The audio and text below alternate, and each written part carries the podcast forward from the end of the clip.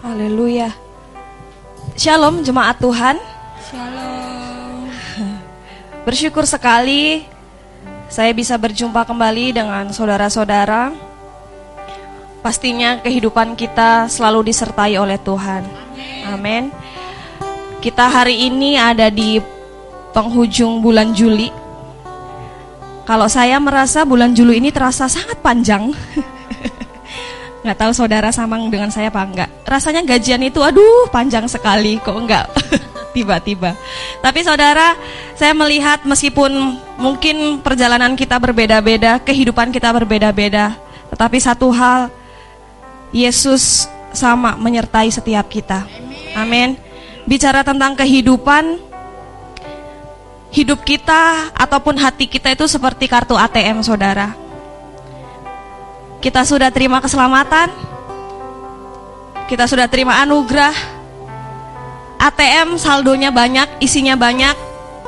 Tapi kalau kita tidak dimasukkan ke dalam mesin ATM, kita tidak pencet tombol pinnya, kita tidak memasukkan itu, itu nggak ada gunanya, nggak bisa buat transaksi.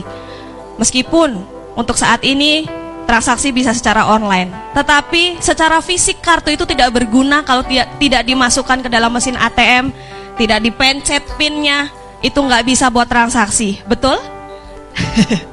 begitupun begitupun dengan hidup kita dan hati kita. Kalau hati kita yang sudah terima yang isinya banyak dari Tuhan itu keselamatan, anugerah dan lain sebagainya. Tetapi kalau hati dan hidup kita tidak dimasukkan ke dalam Tuhan, kita tidak siap ditekan-tekan oleh Tuhan lewat firman Tuhan, lewat pengajaran, hidup kita tidak ada gunanya, saudara. Hidup kita tidak bisa untuk transaksi, untuk memberkati orang lain. Tetapi saya yakin dan percaya kita adalah orang-orang yang siap dipakai Tuhan. Amin. Hari ini kita siap masuk dalam Tuhan. Kita masuk dalam hadirat Tuhan.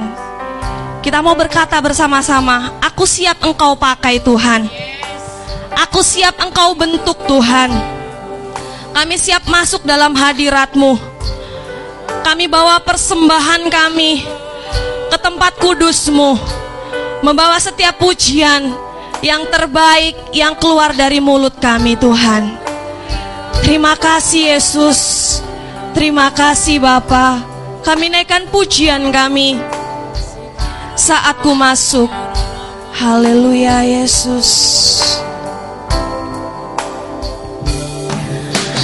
Saat ku masuk ke hadiratmu Bawa persembahan ke tempat kudusmu. Pujian ku naikkan sembahku berikan Bagimu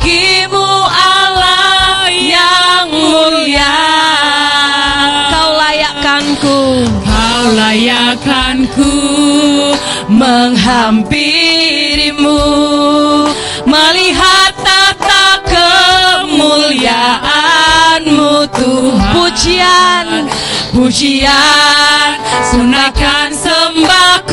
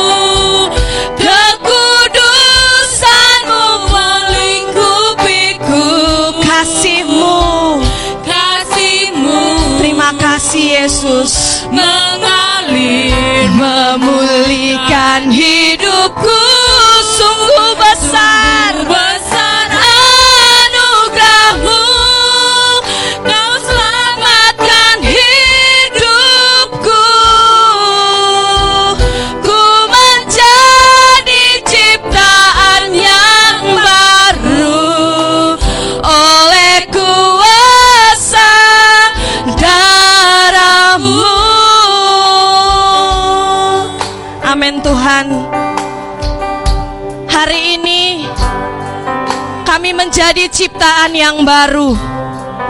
Setiap hari, setiap waktu Engkau perbaharui hidup kami. oleh karena anugerahmu, oleh karena kuasamu, Engkau jadikan kami ada hari ini Tuhan. Dan inilah waktunya kami bawa setiap pujian, penyembahan kami di hadapanmu. Kami mau masuk ke rumah kudusmu Bapa. Mari saya undang semuanya untuk bangkit berdiri. Naikkan pujianmu. Saat ku masuk ke hadiratmu Bawa persembahan ke tempat kudusmu Pujian ku naikkan sembahku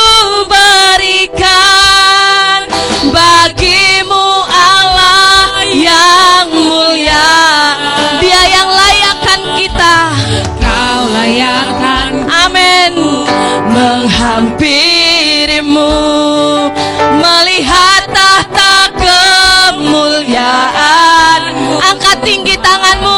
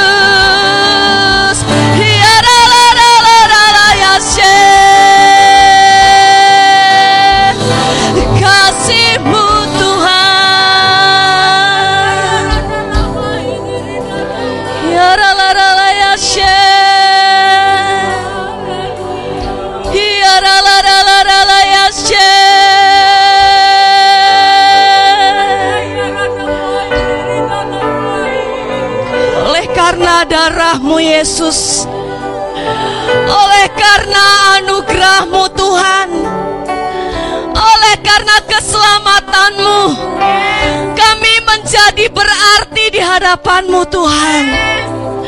Setiap waktu engkau jadikan kami baru.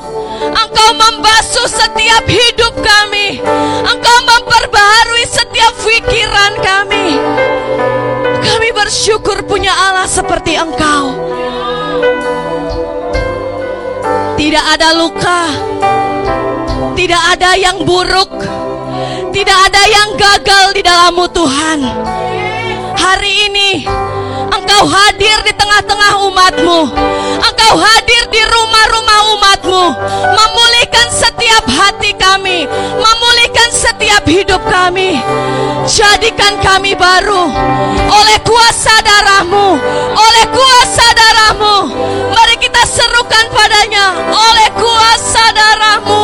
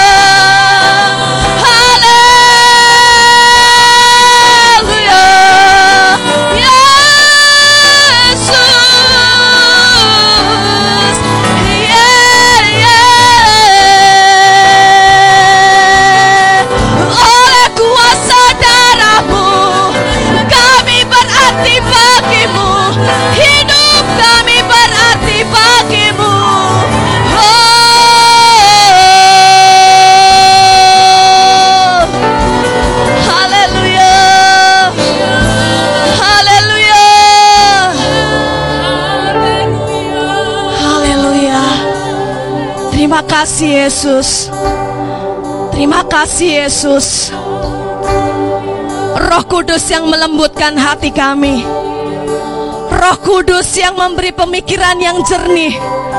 Hari ini setiap pikiran-pikiran yang salah Setiap pikiran-pikiran dari si jahat Hari ini kami perkatakan Dirubah menjadi pikiran-pikiran Kristus. Hidup kami berarti di dalammu. Oleh karena Oleh karena keselamatanmu Kami ada Hidup kami berharga di matamu Tuhan Terima kasih buat darahmu kami berbahagia dan bersuka cita. Kami bersorak-sorai karena kemenangan yang telah kami terima dari Engkau Tuhan. terima kasih Yesus, terima kasih Bapa. Hari ini Tuhan, kami mau memberi lebih lagi lewat puji-pujian kami. Kami berkata Tuhan, setiap mulut kami terbuka untuk Engkau. Kami percaya rohmu hadir menyertai setiap kami Tuhan. Makasih Yesus, terima kasih. Kami bersyukur. Kami buka ibadah kami hari ini dengan penuh ucapan syukur. Di dalam nama Yesus, sama-sama katakan haleluya. Lebih lagi haleluya.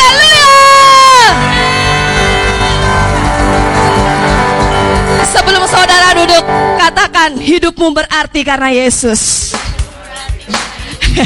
saudara boleh duduk dalam hadirat Tuhan.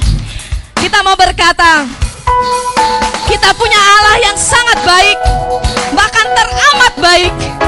Tidak ada kasih, tidak ada yang dapat menandingi kasih Tuhan dalam hidup kita. Di hadapan kemegahanmu Tuhan, di hadapan kemegahanmu,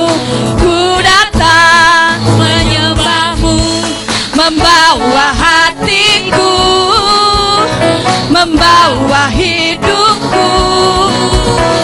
Ku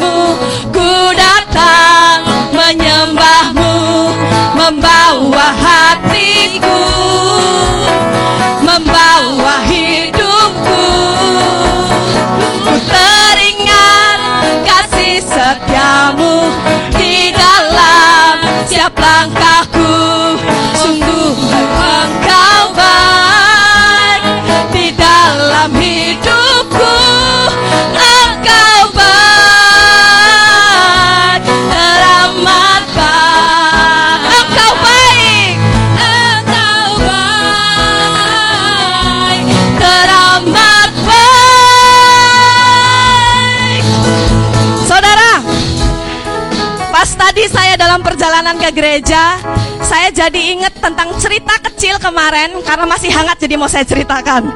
Kemarin kami Youth and Young retret dan waktu perjalanan pulang, teman-teman youth pasti tahu, pas kita baru keluar dari villa kita, kita melewati jalan yang sangat sempit. Dan ternyata di di uh, arah yang di, di lawan arah kita di depan kita ternyata ada mobil juga. Jadi jalan itu ter, ter- sangat sempit sehingga dan itu posisinya adalah nanjak jalannya. Waktu itu sebentar ya Kani maaf ya. Waktu itu saya deg-degan. Aku nggak tahu Kak Ani juga merasakan hal yang sama atau enggak karena posisinya adalah Ari yang nyetir. Aku deg-degan karena posisinya nanjak, jalannya sempit, posisi mobilnya juga mobil manual. Aku deg-degan, tapi aku percaya Mas Adit sih kayaknya santai ya, karena dia tinggal ngegas aja, mobilnya metik. Dan terlebih Mas Adit udah lebih jago lah. Aku deg-degan sempat khawatir, tegang. Ari, Ari, bisa nggak Ari? Ari cuma senyum. Aduh, busnya bisa nggak ya Ari? Aduh, Kak Alona bisa nggak ya? Aku khawatir dan sempat cemas, tapi Ari cuma senyum. Singkat cerita, sampai rumah, Ari ketawa-ketawa dan cerita. Asi hari ini ceming banget. Lebay banget orangnya. Dalam perjalanan pulang dia cemas, dia panik karena dikira aku nggak bisa. Padahal aku tenang-tenang aja, aku santai, aku bisa mengendarai. Bahkan sekarang aku udah sampai rumah. Jadi saudara, begitulah kehidupan kita. Tuhan yang mengendarai hidup kita. Dia yang nyetir kehidupan kita. Tuhan santai. Kadang kita ragu, kadang kita takut, kita khawatir, tapi Tuhan santai dan Tuhan menyediakan hal yang baik menyelamatkan hidup kita. Jadi, kita mau ingat lewat lagu ini, Yesus teramat baik dalam hidup kita. Dia tidak pernah menyediakan yang jelek buat hidup kita. Amin. Saya undang semuanya untuk bangkit berdiri. Kita mau ingat akan kasih setia Tuhan saja. Gak perlu takut, gak perlu khawatir. Di hadapan kemegahanmu Tuhan.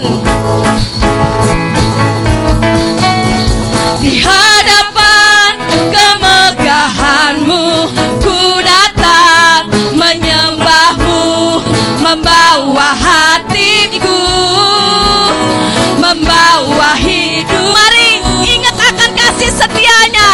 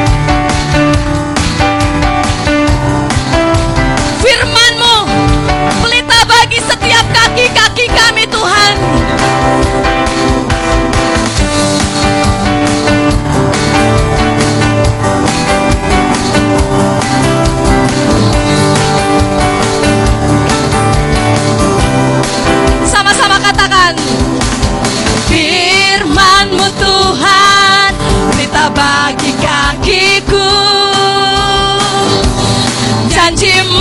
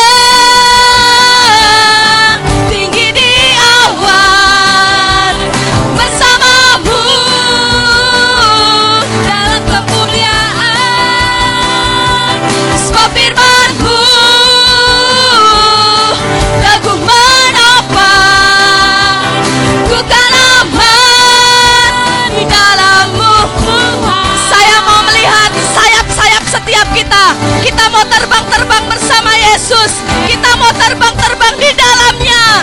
Siap-siap sayapnya ya saudara. Bukan terbang-terbang.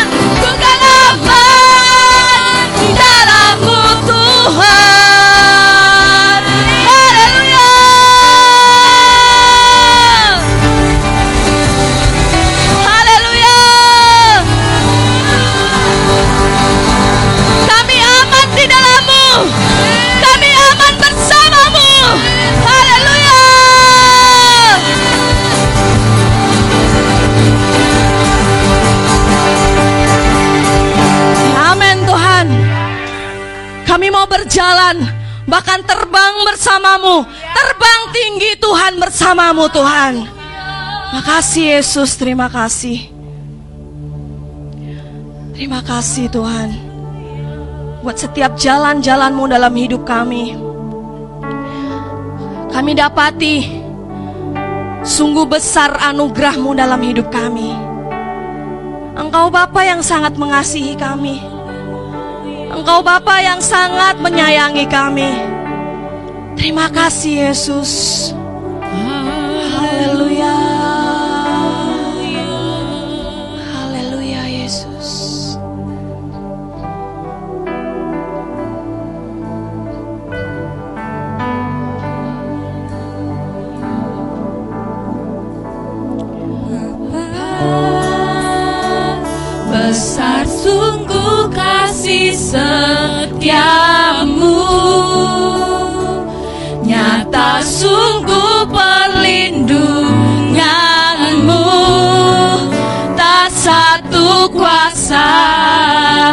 mampu pisahkan aku dari kasihmu.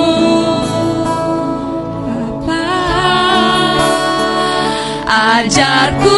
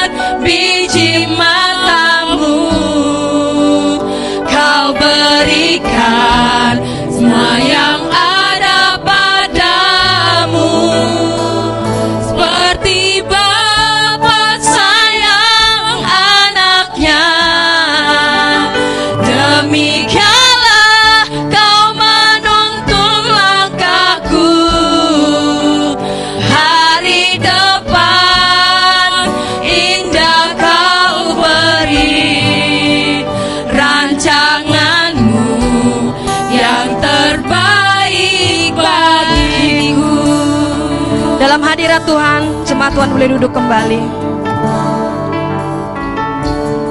Seperti kasih seorang bapak kepada anaknya, seperti kasih orang tua terhadap anak-anaknya, dia akan memberikan yang terbaik buat anaknya. Dia akan menyediakan yang terbaik untuk masa depan anaknya. Meskipun terasa susah secara daging, tetapi seorang bapak dan orang tua bersusah payah, akan bekerja keras yang terbaik untuk masa depan anak-anaknya. Mari kita renungkan, bahkan seorang bapak yang di sorga, saya dan saudara adalah anak-anak kesayangannya yang telah dipilihnya, yang telah diambilnya dari setiap dosa kesalahan. Percayalah, masa depan yang terbaik, kehidupan yang terbaik, Bapak sediakan buat hidup kita. Terima kasih Yesus. Mari angkat pujian kita. Bapa, besar sungguh kasih setiamu, nyata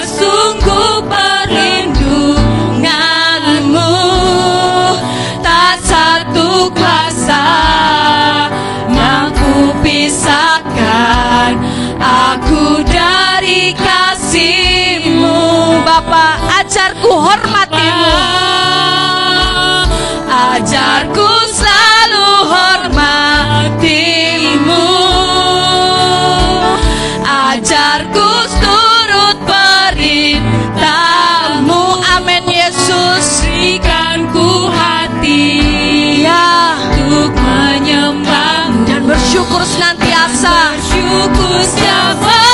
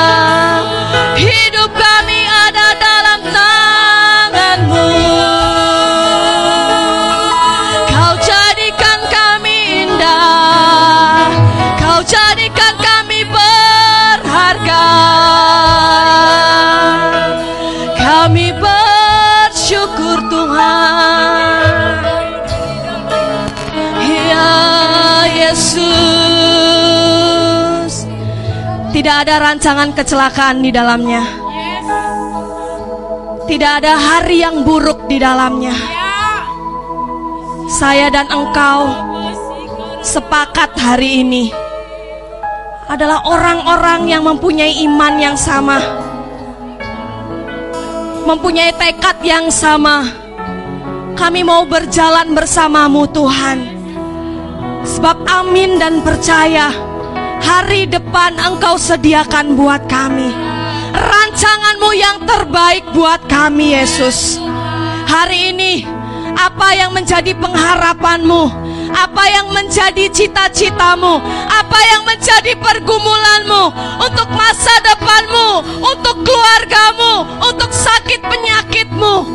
Taruh di hadapan Tuhan. Angkat tinggi tanganmu. Panggil dia. Panggil namanya. Bapa, Bapa. Terima kasih Yesus. Terima kasih Tuhan. Seperti Bapa sayang anaknya.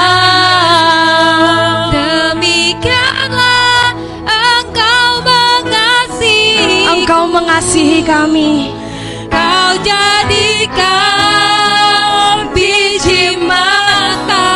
Selanjutnya saya serahkan. Kau berikan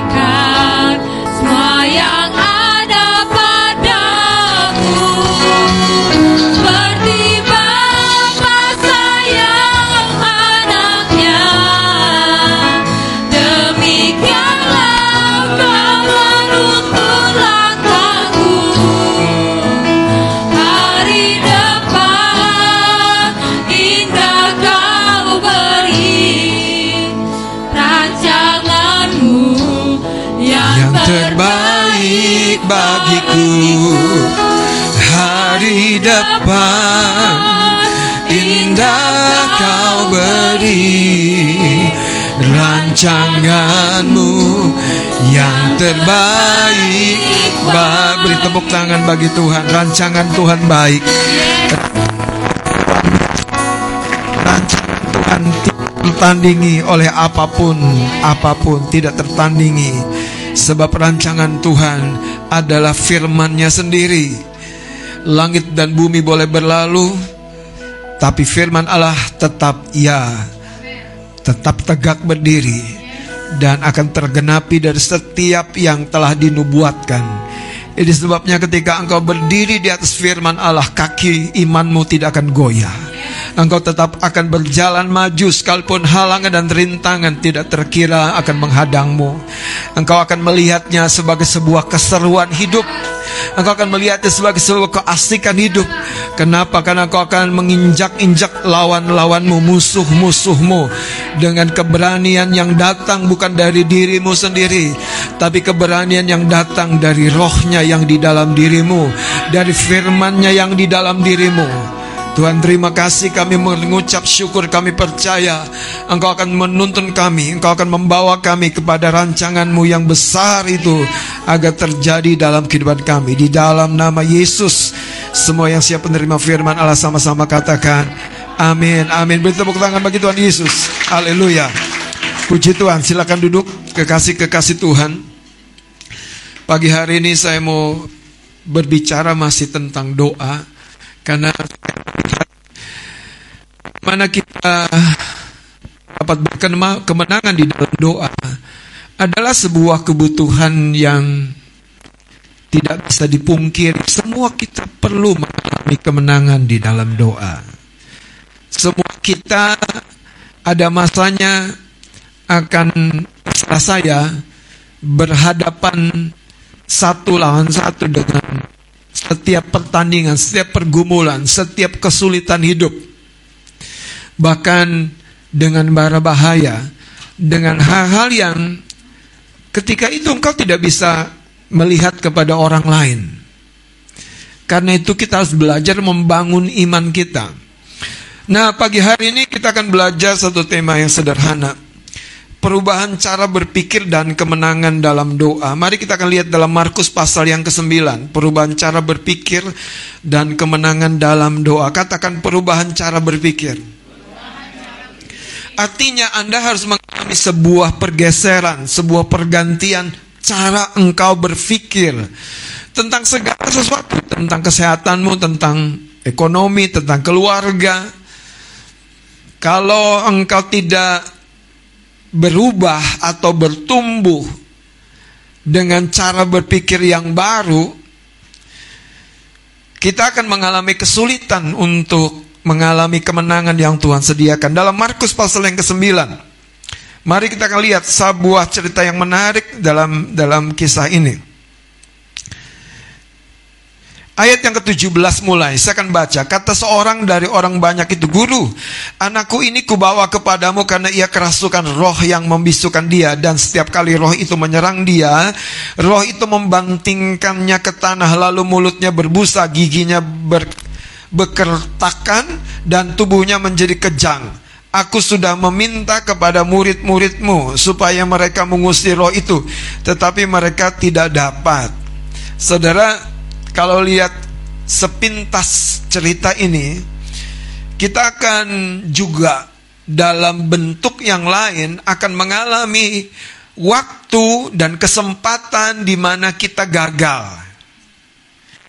Tapi itu bukan cerita akhir daripada perjalanan kemenanganmu.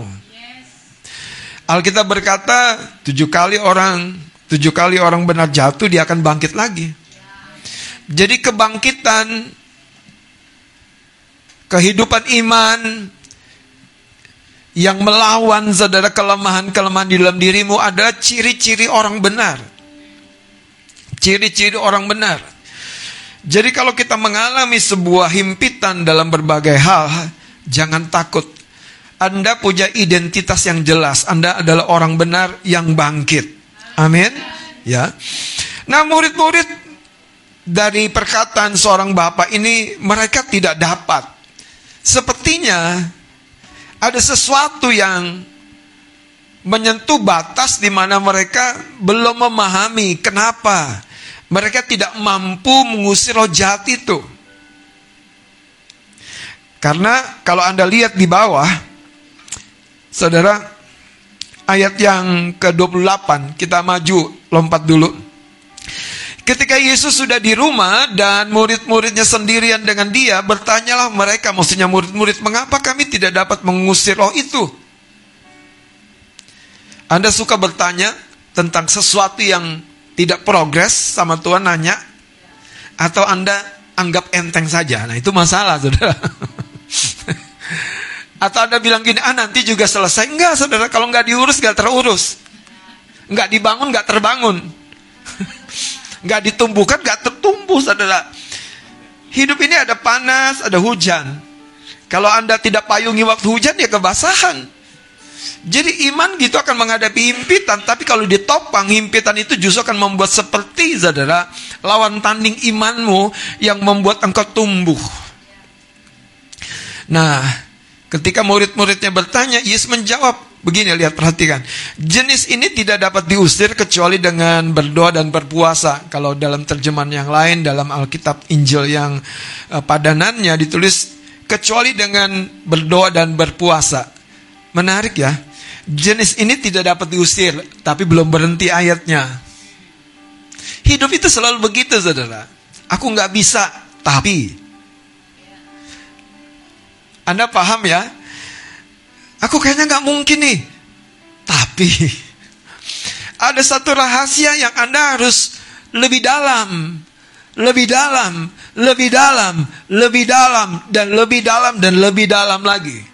Dan di sana Anda akan amazed takjub bahwa di dalam manusia yang ringkih ini terdapat mata air kuasa Tuhan yang memang mata air kuasa Tuhan bukan dari dirimu terdapat mata air kuasa Tuhan yang tidak tertandingi, saudara. Masalahnya kembali, mata air itu bisa tertutupi, bisa surut airnya. Kalau mata air itu dibiarkan. Nah, kembali ke atas, saudara, kita akan perhatikan apa yang Yesus uh, beri jawab kepada bapak yang membawa seorang anak ini. Ayat yang ke-19, maka kata Yesus kepada mereka, "Hai kamu, Angkatan yang tidak percaya. Angkatan yang tidak percaya. Berapa lama lagi aku harus tinggal di antara kamu? Berapa lama lagi aku harus sabar terhadap kamu? Bawalah anak itu kemari. Anak tangkap sesuatu dari pesan Tuhan ini. Tuhan Yesus sepertinya mau bilang begini. Yang seperti ini saja sebetulnya tidak usah dibawa ke aku. Kamu bisa. Tuhan sepertinya mau bilang begini. Harusnya ini sebuah pelajaran yang sudah selesai. Tuhan mau bilang berapa lama lagi Ayo, murid-murid Tuhan. Apakah kita seorang pembelajar yang aktif? Kata pembelajar itu sebetulnya bermakna peniru. Kata murid itu pengikut. Jadi dengan mengikut kita dapat meniru. Tiap-tiap orang yang mau jadi murid Yesus sungguhan, dia mau dia harus bersedia ikut Tuhan dan meniru Tuhan dalam seluruh kesabarannya, kemurahan hatinya, dalam seluruh wibawanya, tapi juga dalam kekuatan kuasa yang Bapa percayakan kepada dia. Nah, Yesus berkata begini, Berapa lama lagi aku harus sabar terhadap kamu? Bawalah anak itu kemari. Lalu mereka membawanya kepadanya. Waktu roh itu melihat an, waktu roh melihat roh itu melihat Yesus, anak itu segera digoncang-goncangnya. Jadi ini namanya manifestasi. Sebetulnya anak ini sakit nggak sih? Sebetulnya anak ini sakit nggak? Ada penyakitnya nggak? Enggak ya? Karena penyakitnya bukan sakit yang dari medis, dia bukan kekurangan enzim tertentu, jadi kejang-kejang mulutnya berbusa. Dia bukan stres memikirin papa mamanya, sehingga dia kejang-kejang mulutnya berbusa. Bukan, saudara. Karena ada satu roh. Ada satu roh. Anda kalau mengalami atau berjumpa dengan sebuah keadaan dengan orang, Anda harus peka. Ini jenisnya sudah dikuasai, saudara, jiwanya, tubuhnya. Terbelanting, terguling, mulutnya berbusa. Lalu Yesus bertanya kepada ayah anak itu. Lihat saudara, perhatikan baik-baik. Ada hubungannya kenapa Yesus bertanya, sudah berapa lama ia mengalami ini? Jawabnya sejak masa kecilnya. Setan itu saudara, ada jenis-jenis yang keras kepala. Kalau dia udah merasa aku udah tinggal begitu lama di rumah ini, yaitu anak itu. Enak aja kau usir aku. Anda pernah lihat kan? Kalau di televisi, rumah-rumah bangunan liar yang mau digusur, enak aja udah 30 tahun digusur. Minta ganti rugi. Itu jenis yang agak sama. agak mirip, saudara.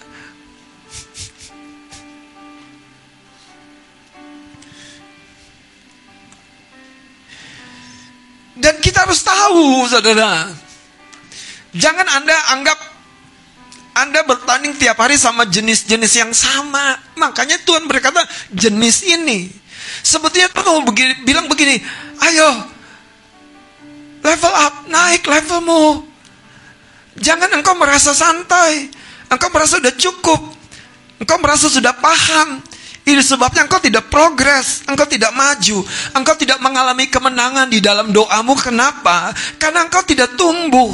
Dan yang menarik dari cerita ini adalah Yesus menyoroti ketidakpercayaan. Tapi lihat ayat ini saudara. Lihat ayat ini. Waktu ditanya sejak masa kecilnya ayat 22 dan sering kali roh itu menyeretnya ke dalam api ataupun ke dalam air untuk membinasakannya. Jadi setan datang untuk mencuri, membunuh dan membinasakan. Kalau Anda sakit pinggang, jangan pikir entar juga hilang. Kalau Anda nggak tangani. Kalau Anda lapar, Anda bisa kenyang sendiri. Nih, kalau Anda lasih, waduh, semuanya Anda pengen nikmati, itu bisa berhenti sendiri. Kalau udah kenyang berhenti bang, enggak, saudara.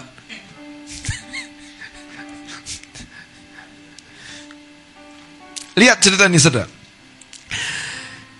Saya mau, mau dorong Anda memahami keseluruhan cerita ini. Karena dialog Tuhan dengan sang Bapak ini ketika dia bertanya sejak masa kecilnya Anda harus paham. Ada jenis-jenis roh jatuh yang yang gini loh saudara Anda paham. Anda mau saleh, mau tidak saleh. Wong anak ini kalau kita bilang dosa apa? Kalau Anda anggap remeh lawanmu, masalahnya di mana? Bukan di Tuhan, saudara. Kita mulai sombong secara rohani. Sombongnya nggak di sini sih, sombongnya di sini. Tetap sombong juga. Sombongnya nggak di sini sih, tapi di sini sombong juga. Anda paham nggak sih?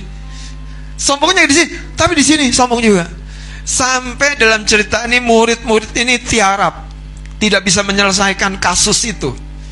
Dan orang tuanya membawa kepada Yesus. Nah, kita lihat saudara. ayat 22 dan sering kali roh itu menyeretnya ke dalam api maupun ke dalam air untuk membinasakannya roh itu menyeret wow inilah saudara yang anda harus pahami.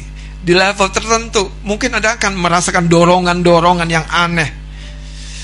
Kok aku maunya main api terus ya? Lihat tolonglah kami dan kasihanilah kami. Tapi ada kalimat sebelumnya. Sebab itu jika engkau dapat kata Bapak ini berbuat sesuatu tolonglah kami dan kasihanilah kami. Jika engkau dapat Ayat 23 rupanya pertanyaan Bapak ini menggelitik hati Tuhan. Coba baca sama-sama ayat 23 23. Jawab Yesus, katamu jika engkau dapat Sekali lagi saudara jawab Yesus, katamu, jika engkau dapat, tidak ada yang mustahil bagi orang yang percaya. Tuhan tidak bilang begini, tentu aku bisa. Tuhan tidak bilang begini, kamu menganggap aku apa nggak bisa. Tuhan tidak bilang begini, kamu nggak tahu orang mati bangkit. Tuhan justru bilang begini, tidak ada yang mustahil bagi orang yang Nah puji Tuhannya Bapak ini sadar Masalahnya bukan di guru, di Tuhan Masalahnya di dia saudara Lihat Segera ayah anak itu Coba baca ayat ini ayat 24 sama-sama. Segera. Ayah anak itu berteriak Aku percaya Tolonglah aku. Hari ini Colek kanan kirimu Ayo jujur. Kamu percaya nggak kamu bisa berubah? Kamu bisa sukses.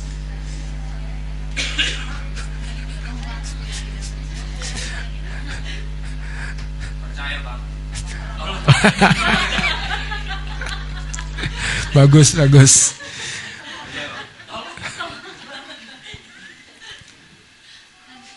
Saudara level percaya kita tuh kadang-kadang butuh sebuah keadaan yang membuat kita mandek. Dan kita tahu ternyata kita sudah terlalu asik main air di pinggir kolam. Rasanya sudah jadi perenang. Main air saudara pakai ban di pinggir laut rasanya sudah jadi peselancar itu kan mimpi satu waktu saya belum pernah snorkeling apa itu snorkeling? Nah, bukalah di Google. Pakai kacamata teropong air ke bawah laut dan melihat keindahan laut. Belum pernah, saudara. Berangkatlah kami mau snorkeling. Ternyata yang paling indahnya adalah kami tidak dilatih dulu, tidak di training dulu. Tidak diajarin dulu oleh ga, apa guide-nya, pemandunya Udah kami cepat-cepat naik perahu ke sebuah tempat yang katanya pemandangan lautnya indah. Kami pakai terjun. Pikiran orang kan macam-macam. Tak ada hiu. Tak ada ubur-ubur menyengat. Wah, kejang duluan. Hmm. Sudah tahu waktu kami terjun, Barulah di situ kami tahu masalahnya apa. Kami bodoh. Saya lah sebetulnya kami. Saya nggak ngerti apa-apa tentang snorkeling dan memang tidak dikasih tahu. Make maskernya aja bingung, itu ke mulut apa ke hidung itu saluran napasnya itu. Betulan saudara, betulan. Makanya kalau hari gini, Anda makan obat sakit perut masih nggak baca dosisnya. Pagi satu, siang satu, baca. Maaf, keluar tuh makan dua, keluar lagi makan dua lagi. Jangan tiba-tiba, oh sakit perutku hebat sekali. Bukan sakit perutnya yang hebat. Maaf, bodoh dipelihara. Beneran saudara. Anda pernah baca nggak sih dosis obat sakit perut itu? Dua tablet. Saya pernah mengalami itu makanya saya bilang, Tuhan kenapa ya orang tuh kadang-kadang dia nggak tahu dia bodoh sampai mentok. Keluar biaya ke rumah sakit begitu mahal, padahal kalau dia baca dosis. Nah dalam cerita ini, Tuhan tuh mau bilang gini, tidak ada yang mustahil. Tidak ada yang mustahil. Tidak ada yang mustahil. Sama sekali tidak ada yang mustahil. Masalahnya bukan di aku kata Tuhan. Tapi kalau kamu jadi generasi yang tidak percaya, kamu sendiri akan mengalami akibat ketidakpercayaanmu itu. Saudara, ketika Bapak ini teriak, Lihat ayat 25-nya. Yesus menegur roh jahat itu dengan keras katanya, Hai, kau roh yang menyebabkan orang menjadi bisu dan tuli. Aku memerintahkan engkau, keluarlah daripada anak ini. Dan jangan memasukinya lagi. Lalu keluarlah roh itu sambil berteriak dan menggoncang anak itu dan kemudian sembuh. Saudara, apa yang coba saya sampaikan? Seringkali kita mencoba sesuatu dan tidak mendatangkan hasil mencoba sesuatu dan tidak mendatangkan hasil. Sayangnya saudara, kita tidak cukup jujur dan bertanya. Karena di titik tertentu saudara kita harus mengerti ada orang yang mau membimbing dan bisa membimbing kita memahami situasi kita.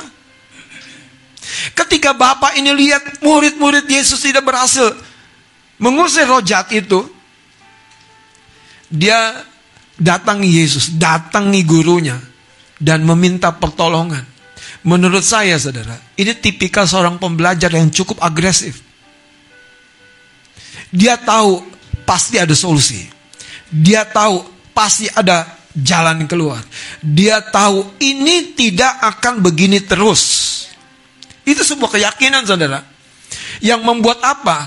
Kaki kita tidak terkunci.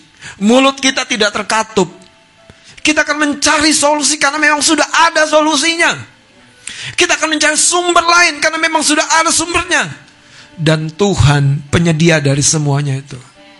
Berapa banyak hari ini kita berhenti, saudara, berhenti, berhenti, berhenti. Dan kita berpikir hidup kita akan begini-begini saja. Pada sederhananya, kalau kita berubah cara berpikir kita, paradigma kita, di situlah sebetulnya saudara, cara berpikir yang benar, yang baru akan menghasilkan satu cara pandang tentang Tuhan kepada hidup kita yang benar. Kalau saya tanya, apakah Tuhan peduli tentang masa depanmu? Anda akan jawab dengan cepat, peduli Tuhan. Tapi mana, mana bukti wujud bahwa engkau percaya Tuhan peduli? Itu yang paling penting. Saudara, kitab Yakobus pasal 5 berkata doa orang benar besar kuasanya. Bila dengan yakin didoakan. Doa orang benar itu saudara menyampaikan bahwa ada satu keyakinan yang benar. Ada satu pola berpikir yang benar. Saya suka dengan sebuah statement yang Ibu Gembala suka sampaikan. Untuk segala sesuatu itu ada expirednya. Masalahmu tidak akan bertahan apalagi kalau Anda terus-menerus memeranginya, berdiri di hadapan Tuhan dengan percaya.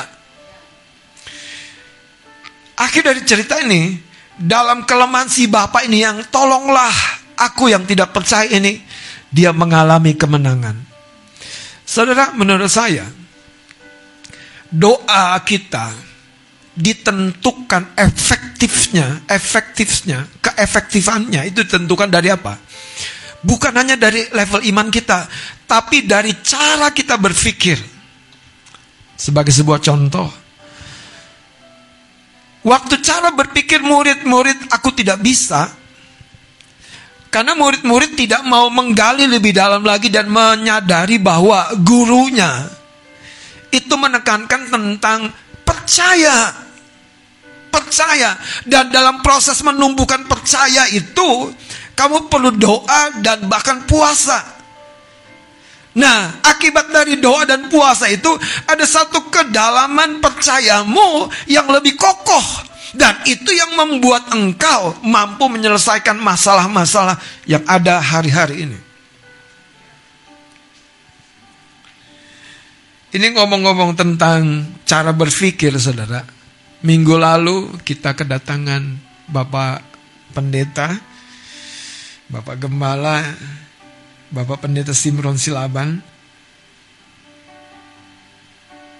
Dan waktu hari Jumat dan hari Sabtu, saya merenung Tuhan karena sudah diinfo Bapak kita itu akan datang. Apakah saya akan minta beliau khotbah? Kenapa saya ceritakan ini? Karena ini cara berpikir yang umum. Yang biasanya. Waktu Billy sampaikan, saya simpan. Dia sampaikan, saya simpan. Tuhan aku minta dia khotbah apa enggak ya? Sampai akhirnya hari Sabtu, saya firm. Saya tidak minta dia pelayanan mimbar. Kenapa? Karena Ibu Gembala sudah siap untuk berkhotbah hari Minggunya. Dan ngobrol punya ngobrol di depan ternyata bapak itu malah bilang begini, kalau saya disuruh khotbah saya nggak akan datang kebaktian. saya bilang cocok. kalau bapak itu saya minta khotbah jangan-jangan malah nggak datang gitu. Tapi waktu saya saya dengar itu saya bilang gini, Tuhan kau ajari sesuatu bahwa yang di sini ini nih saudara, masalah kalau kita biarkan dengan konsep yang lama Waktu saya doa, saya nanya sama Tuhan, saya firm. Tetap ibu gembala yang khotbah.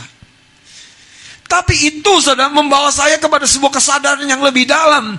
Betapa banyaknya masalah kita dimulai dari sini. Ada konsep-konsep yang lama. Konsep-konsep yang lama. Pagi-pagi biasanya saya ambil mobil dan langsung jemput ke rumah. Tapi pagi ini saya ambil mobil, saya parkir di depan rumah dan saya tunggu. Semua sudah siap, mobil sudah siap. Baru berangkat. Saudara bersedia nggak ada sebuah pemikiran baru yang menghasilkan sebuah dinamika yang baru? Saya percaya saudara, kalau Anda rasakan dorongannya dari sini, Anda tuh akan mengalami sebuah kemajuan bukan yang pertama-tama di luar. Setan keluar, setan takut, masalah selesai. Tapi yang di dalam ini saudara, itu akan bertumbuh, berkembang sesuai siapa benih di dalam dirimu. Engkau akan jadi orang yang indah, mulia, berkarakter Kristus, yang menyenangkan Tuhan. Itu sebabnya engkau akan dikagumi. Dikasihi kalau bahasa Alkitab oleh Allah dan manusia. Kuncinya apa? Bertumbuh. Lukas pasal 2 mencatat Yesus bertumbuh. Karena itu dia makin dikasih oleh Allah dan manusia. Bertumbuh apanya? Jangan salah, mari kita lihat supaya Anda nangkep. Lukas pasal yang kedua.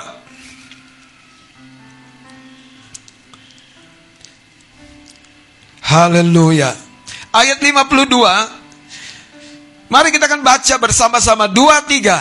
Dan Yesus makin bertambah besar dan bertambah hikmatnya dan besarnya dan makin dikasih oleh Allah dan Saudara kalau Anda memasuki tahap seperti ini Anda Anda bisa menyesuaikan diri dengan setiap karakter manusia. Saya bilang gini, Yesus sama pemungut kita masuk. Yesus bahkan sama pelacur bisa masuk. Yesus sama orang Farisi bisa ngomong. Jadi kedalaman hikmat. Hikmat itu menyentuh mana? Cara kita berpikir tentang diri kita dan tentang hidup ini, tentang Allah. Mari kita lihat dengan cepat satu cerita di dalam uh, Amsal pasal yang ke-6. Amsal pasal yang ke-6. Amsal pasal yang ke-6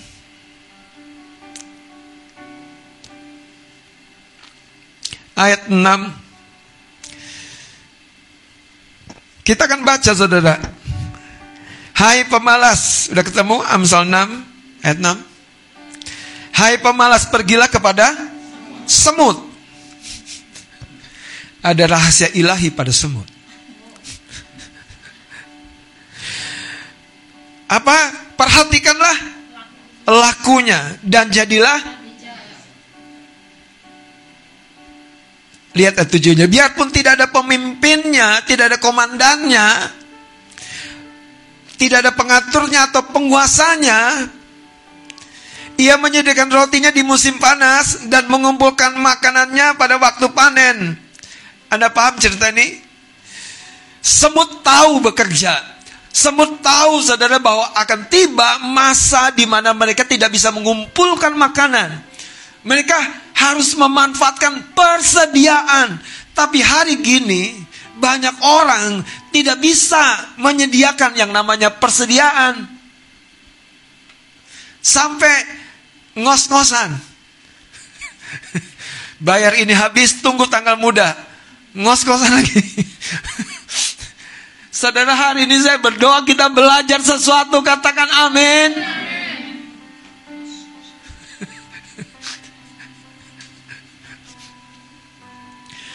Tidak ada pemimpinnya, tidak ada pengaturnya, tapi mengumpulkan apa?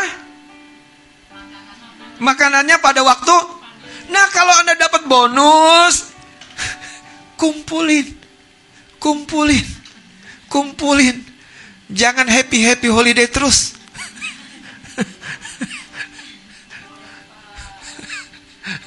Udah itu meringis. Haleluya. Bukan salah liburan loh, kumpulin. Lihat, dikatakan begini, ia menyediakan rotinya di musim panas dan mengumpulkan makanannya pada waktu panen. Apa makna pesan ini?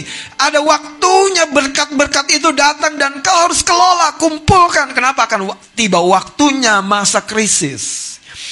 Ayat 9, hai pemalas berapa lama lagi engkau berbaring? Bilakah engkau akan bangun dari tidurmu? Tidur sebentar lagi. Siapa nih yang suka bilang sebentar lagi? Sebentar lagi. Sebentar lagi. Lima menit lagi. Hmm, tidur sebentar lagi, mengantuk sebentar lagi, melipat tangan sebentar lagi untuk tinggal berbaring. Maka apa? Datanglah kemiskinan. Jadi, konsekuensi dari kehidupan yang tidak berubah dalam paradigmanya, cara berpikirnya, itu sangat jelas. Kalau Anda tidak berubah, anda tidak berubah, akan tiba konsekuensinya itu Anda tidak bisa tanggung. Nah itu sebabnya Rasul Paulus pun bahkan menekankan sebuah pesan yang tajam saudara Efesus pasal 4 mari kita lihat ayat 17 dan 18 mari kita bangkit berdiri Efesus pasal yang keempat ayat 17 dan 18 sudah ketemu? Mari kita baca bersama-sama dua tiga. Sebab itu kukatakan dan kutegaskan ini kepadamu di dalam Tuhan. Jangan hidup lagi sama seperti orang yang tidak mengenal Allah dengan Saudara perkataan ini disampaikan, disuratkan untuk siapa? Orang-orang yang sudah percaya, yang sudah terima Yesus, jemaat Efesus. Jemaat Efesus. Yang sudah penuh roh kudus tapi dikatakan masalahnya bukan pada karunia lidahmu, bukan pada bahasa rohmu. Salah satu masalah yang paling mendasar pada kehidupan banyak orang, cara berpikirnya. Merespon mata kelimpahan, hura, haru. Kelola saudara, bukan bukan tidak boleh menikmati. Nah ayat ini berkata saudara, jangan seperti orang tidak mengenal Allah dengan apa? pikirannya. Pikirannya. pikiran. Saudara, kita mengolah sesuatu di pikiran ini dasarnya apa? Ayat berikutnya ayat 18. Dan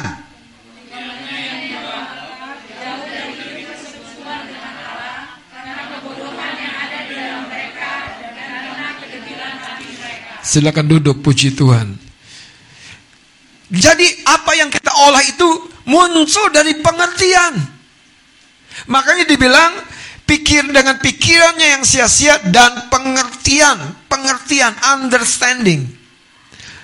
Kalau anak-anak muda engkau tangkap ini, Anda harus ngerti 20 ke 25, 25 ke 30, 30 ke 30. Anda pasti akan memasuki fase-fase itu dengan happy. Pasti, saudara. Pasti. Pasti. Sebagai sebuah contoh, saya bilang, kalau Anda bekerja pada usia 20 ke 25, saudara harus bersedia diposisikan di tempat yang paling tidak enak, tidak nyaman. Karena Anda bukan mengejar karir. Anda mengejar pembelajaran. Kalau Anda punya progres dalam pembelajaran, Anda tough, Anda tangguh dalam pembelajaran, Anda punya karakter. Kalau Anda sudah punya karakter, Anda akan dilirik oleh setiap bos di mana-mana. Kamu beritahu saudara, kepintaran tanpa karakter itu akan menghabiskan hidup kita. Tapi kalau karakter, salah satu yang saya coba sampaikan karakter semut. Tidak ada pemimpin tetap bergegas. Tidak ada komandan tetap bekerja. Tidak ada pengaturnya tetap berbaris. Karena ada waktunya, ada masanya, kami tidak akan ke mana-mana ketika guyuran musim hujan, musim dingin tiba. Saudara, saya tentu ingin memblurkan hidup kita dengan cara apa? Paradigma yang lama terus beroperasi. Hidup ini kapan lagi dinikmati? Siapa bilang begitu? Pertanyaannya dinikmati dengan bagaimana?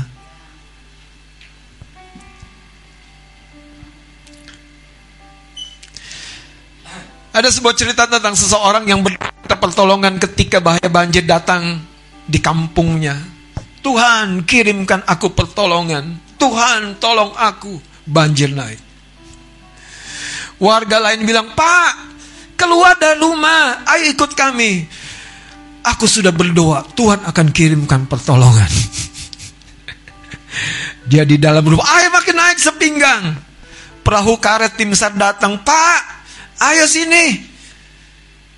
Semua warga sudah meninggalkan tempat. Enggak, aku sudah berdoa, Tuhan akan tolong.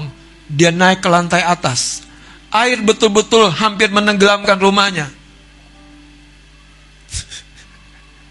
Terus helikopter datang.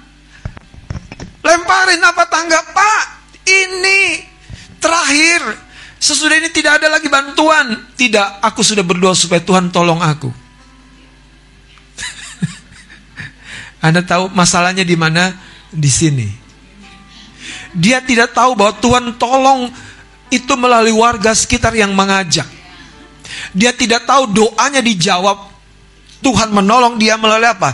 Tim SAR yang datang dengan perahu karet. Makanya Anda kalau diajak orang-orang lain, ditolong oleh, oleh orang lain yang niatnya tulus, maksudnya baik, responi dengan benar. Jangan butek, saudara. Biarin, biarin, biarin, biarin. Aku memang begini.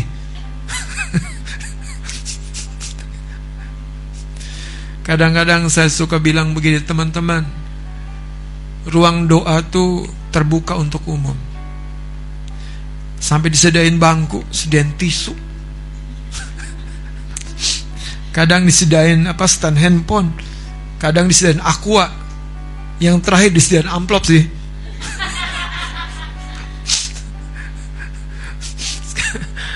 Datang alami Tuhan. Saya sering bilang kalau doa di rumah ya paling berapa kenceng sih volume Anda. Tapi kalau doa di ruang doa, Anda teriak-teriak saya juga nggak dengar di sebelah. Kalau Anda bergumul tentang masalahmu sendiri, coba putar otak segini dong. Tapi kalau Anda libatkan orang lain, orang lain, orang yang lebih bijak, lebih berhikmat, Anda memanfaatkan hikmat yang Tuhan titipkan pada orang lain itu untuk kesuksesanmu. Sayangnya banyak orang tuh begitu saja, berhenti. Perahu karet udah datang nanti, aku tunggu Tuhan. Helikopter datang nanti aku yakin Tuhan pasti tolong. Benar sih Tuhan tolong. Tapi engkau tidak tahu bahwa doamu sudah dijawab. Masalahnya di mana? Di sini. Kekasih-kekasih Tuhan, hari ini ambil waktu untuk tiap masalahmu, masalah keuangan, masalah hubungan. Itu pasti ada paradigma yang lama, cara berpikir yang lama. Yang mendorong engkau berperilaku dengan perilaku yang lama. Aku nggak suka dilirik-lirik. Eh, kenapa nggak bersyukur?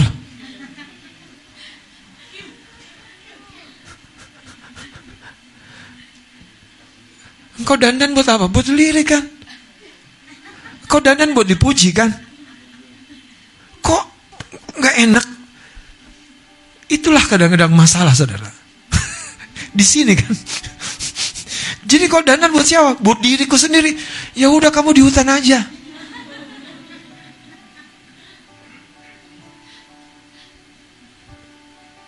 Makanya jadi orang nikmati sudah hidup itu dengan cara berpikir yang benar. Anda sehat untuk siapa? Untuk orang lain dan dirimu yang pertama-tama. Anda fit untuk siapa? Untuk dirimu dan orang lain pertama-tama. Umur 30 ke 35. Saya selalu punya prinsip. All you can eat. Sampai 35 ke 40. No, no, no, no, no, no. No, no, no, no.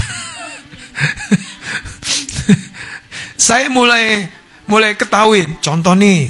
Ini khotbah yang paling-paling sederhana saya tidak tahan dengan coffee mix, kopi-kopi yang pakai campuran itu tuh, campuran krim, campuran pasti bermasalah.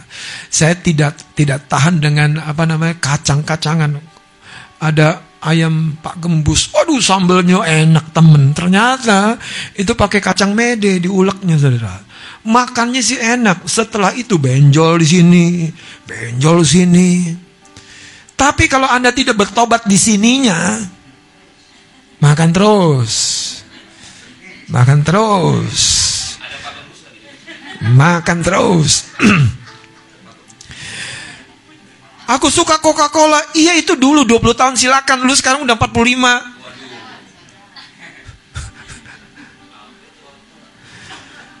Dengerin saya saudara. Benar-benar kalau Anda tidak berubah, di sininya bertobat, doa sehebat apa pun tidak akan mendatangkan sebuah hasil seperti yang Tuhan rencanakan. Jujur ya.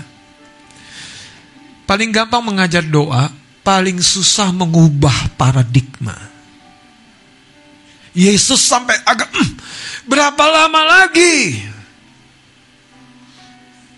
Teman-teman, kenapa banyak orang gak suka dandan? Oh, saya mau kasih tahu ya. Karena anda nggak tahu dandan itu untuk apa. Kenapa orang gak suka olahraga? Karena gak tahu olahraga itu untuk apa? Untuk tubuhmu, tubuhmu itu ada bait Allah, bait Allah memuliakan Tuhan kalau sehat. Jatuh itu dimulai dari mana? Dari sini kan? Dimulai dari paradigma. Dari cara berpikir. Kembali kepada kitab Markus. Pasal yang ke-9 ayat 22. Lihat dan 23 dan sering kali roh itu menyeretnya ke dalam api ataupun ke dalam air untuk membinasakannya. Sebab itu jika engkau dapat berbuat sesuatu, Bapak ini bilang sama Yesus, jika engkau dapat berbuat sesuatu, tolonglah kami dan kasihanilah kami. Saudara doa yang memelas ini ternyata lahir dari ketidakmengertian.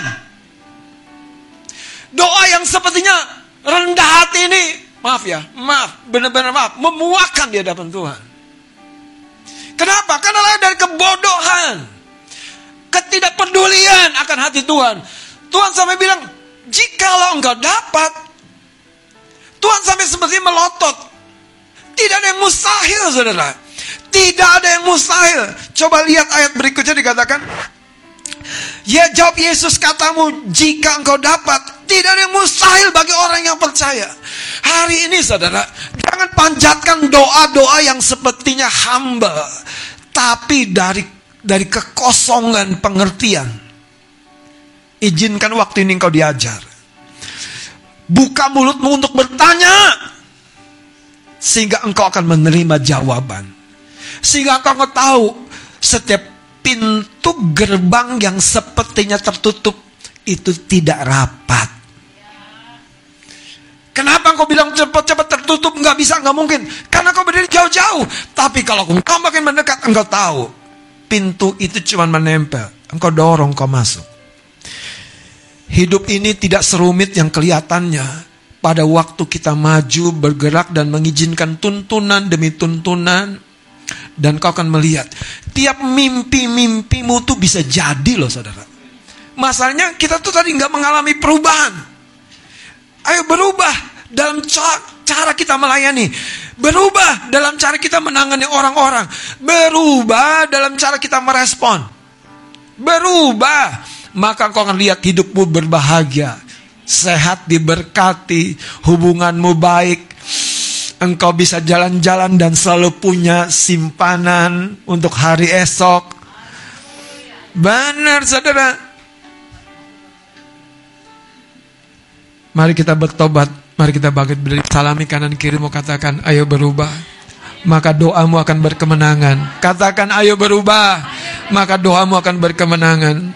Kita angkat sebuah pujian, ku yakin kau hadir di sini.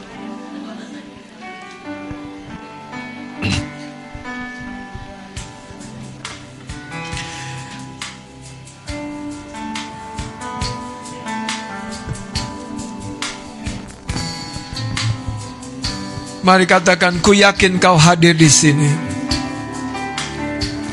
Ku yakin kau hadir di sini. Ku rasakan kuasa yang tak terbatas. Ku yakin kau nyata di sini. Kemenangan terjadi di sini. Ku yakin, ku yakin kau hadir di sini. Ku rasakan kuasa yang tak terbatas. Ku yakin kau nyata di sini. Kemenangan terjadi di sini. Saudara, beberapa minggu ini ada satu perkataan Tuhan yang datang kepada saya dan kata tersebut yang Tuhan sampaikan idealis. Anda tahu arti kata idealis? Itu biasanya orang yang suka pakai kata harus. Akibatnya dia seorang yang sulit untuk menjadi fleksibel Harusnya aku dijemput. Lah emang neng gojek sendiri susah. Harusnya aku nggak kehujanan. Ya kalau hujan bawa payung. Saudara Yesus itu punya prinsip, tapi dia bukan seorang yang idealis kebablasan. Makanya dalam konteks ini dia lagi tampil, dia lagi menyelesaikan masalah murid-muridnya. Anda tahu, masalah itu masalah murid-muridnya loh. Paham ya? Tapi sang bapak itu bilang, Gu, guru, murid-muridmu tidak dapat. Dan Yesus menjadikan itu sebuah pesan. Saudara hari ini, apa di dalam benakmu engkau pikir begini, satu keharusan. Saudara belajar fleksibel, mengalir dengan Tuhan. Ingat cerita itu, Tuhan jawab melalui apa? Orang-orang sekeliling Bapak itu di kampung itu yang berapa? Hujan sudah deras, ayo kita keluar. Dia berkata, aku sudah berdoa. Masalahnya bukan di doanya, tapi di sininya. Air meninggi, tim saat datang. Pak, ayo ini perahu kardus. Bapak, enggak, aku sudah berdoa. Sampai di atas rumah helikopter datang, aku sudah berdoa. Maaf ya saudara. Itu yang Tuhan katakan. Generasi yang tidak memiliki sebuah kepercayaan yang benar. Hari ini, apa kepercayaanmu tentang pekerjaanmu? Apa kepercayaanmu tentang hubunganmu, tentang masa depanmu, tentang keluargamu? Apa kepercayaanmu? Abraham harus memandangi istrinya yang sudah mati haid, yang dalam kamus biologis tidak mungkin dan tidak mungkin dan tidak mungkin dan tidak mungkin. Tapi Tuhan membawa dia keluar. Abraham ayo keluar, lihat langit. Coba hitung bintang, baru dia sadar. Tuhan maha kuasa. Makanya ketika Abraham bilang begini, engkau mampu dalam segala perkara. Itu menyelesaikan perkara di rumah tangganya. Kenapa saya bilang? Jelas saudara, dia terima usul istrinya yang salah. Lahirlah siapa? Ismail. Tapi kalau Abraham sudah diperlengkapi dengan paradigma yang benar, wait, sabar. Tuhan tuh nggak mungkin dusta, nggak mungkin, nggak mungkin. Masalah tidak akan berlarut-larut. Hari ini saya mau berkata begini. Lakukan sebuah pertobatan ketika engkau dengar firman, memuji, menyembah Tuhan. Engkau ketemu, engkau klik, iya nih aku salah nih, berpikirnya aku salah nih. Iya nih aku berpikirnya salah. Nah bertobat, minta ampun, berubah saudara. Hari ini Tuhan mau berkata begini, tidak ada yang mustahil bagimu. Mustahil bagimu. Tidak ada yang mustahil bagimu. Tidak ada yang mustahil bagimu saudara. Tidak ada yang mustahil. Betul-betul tidak ada yang mustahil. Saya berdoa gereja kembali kepada kemuliaan di mana cara dia melihat dirinya. Cara dia berpikir. Mari angkat pujiannya dari awal. Ku menyembah dalam kudus hadiratmu hampiri tata kasih karuniamu Bapa. Katakan kekuatan kehidupanmu. Ada di dalam dia. Engkau aman dalam genggamannya.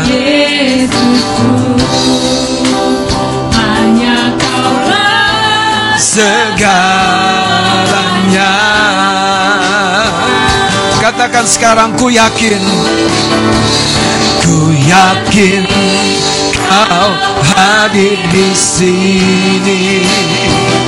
Ku rasakan kuasa yang tak terbatas.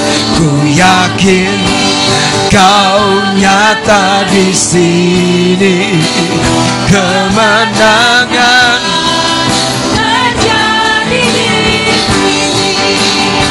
lagi katakan ku yakin.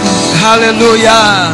Ku yakin kau hadir di sini.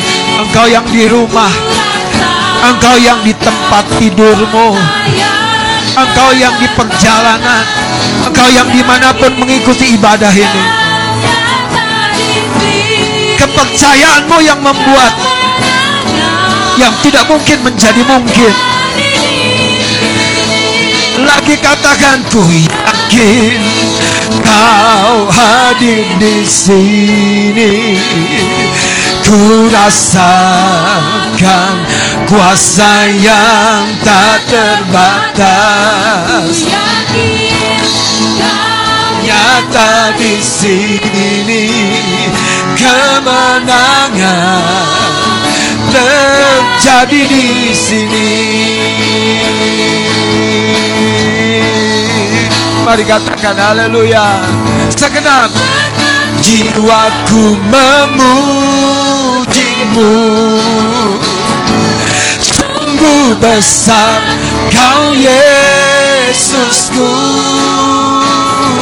Segenap hatiku Kau besar Kau besar. Lagi katakan segenap jiwa Segenap jiwa Ku memujimu. Sungguh besar Kau ye Kau besar Yesusku. Ku menyembah menyembahmu Kau besar. Kau besar. Kau besar.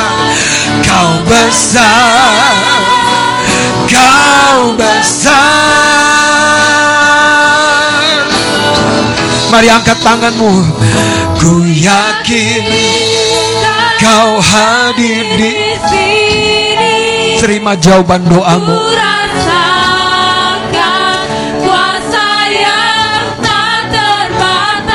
Ketika engkau percaya Ketika engkau membuka cara berpikirmu kepada cara berpikir yang baru Engkau tahu tidak ada yang tidak mungkin bagi dia. Teman-teman, hari ini Biarlah firman menjadi sebuah kenyataan dalam hidupmu. Biarlah firman menjadi sebuah kenyataan dalam hidupmu. Tidak ada satu kemandekan yang akan tetap mengunci kehidupanmu Tidak ada. Ketika engkau mulai merubah cara berpikirmu Engkau akan melihat jawaban-jawaban doa Di sekeliling hidupmu. Engkau akan melihat jawaban-jawaban doa Datang sepertinya begitu saja. Engkau akan melihat kemungkinan-kemungkinan baru Tuhan munculkan. Shadarokaya Bapak Kirasa dari Ketika Yesus berkata kepada murid-muridnya Kita akan memberi makan 5000 jiwa bahkan lebih. Namun hanya lima roti dan dua ikan. Ada seorang murid berkata Tapi apa artinya Lima roti dan dua ikan? Apa artinya? Saudara mau melihat keajaiban? Jangan tunggu segala sesuatu sepertinya ideal. Apa yang menjadi kerangkeng pemikiranmu? Kadang-kadang kau harus berpikir dengan cara-cara yang ideal. Kalau mau mulai usaha harusnya begini, begini, begini. Kalau mau berjalan harus begini. Kalau mau lari pagi harusnya begini. Oh, ideal, ideal, ideal. Tapi engkau tidak bergerak di dalam iman. Saudara tangkap kata-kata saya nih. Kalau Anda menjadi seorang idealis, tapi terkunci, imanmu tidak bergerak, engkau tidak pernah akan mengalami campur tangan kuasa Tuhan.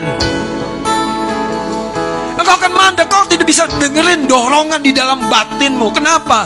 Karena kau setting segala satu seperti Naaman men-setting. Naaman bilang begini, harusnya Nabi itu datang keluar dan menggerak-gerakkan tangannya di atas kustaku.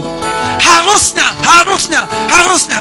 Saya mau berkata, buat Tuhan, Tuhan sangat mudah mengubah keadaanmu. Tapi yang paling suka adalah ketika engkau harus mengubah paradigmamu tentang hidupmu, tentang dia. Hari ini bertobat, berubah. Di usia tertentu Anda harus berubah cara berpikirmu. Di tahap tertentu kau harus berubah, berubah, berubah.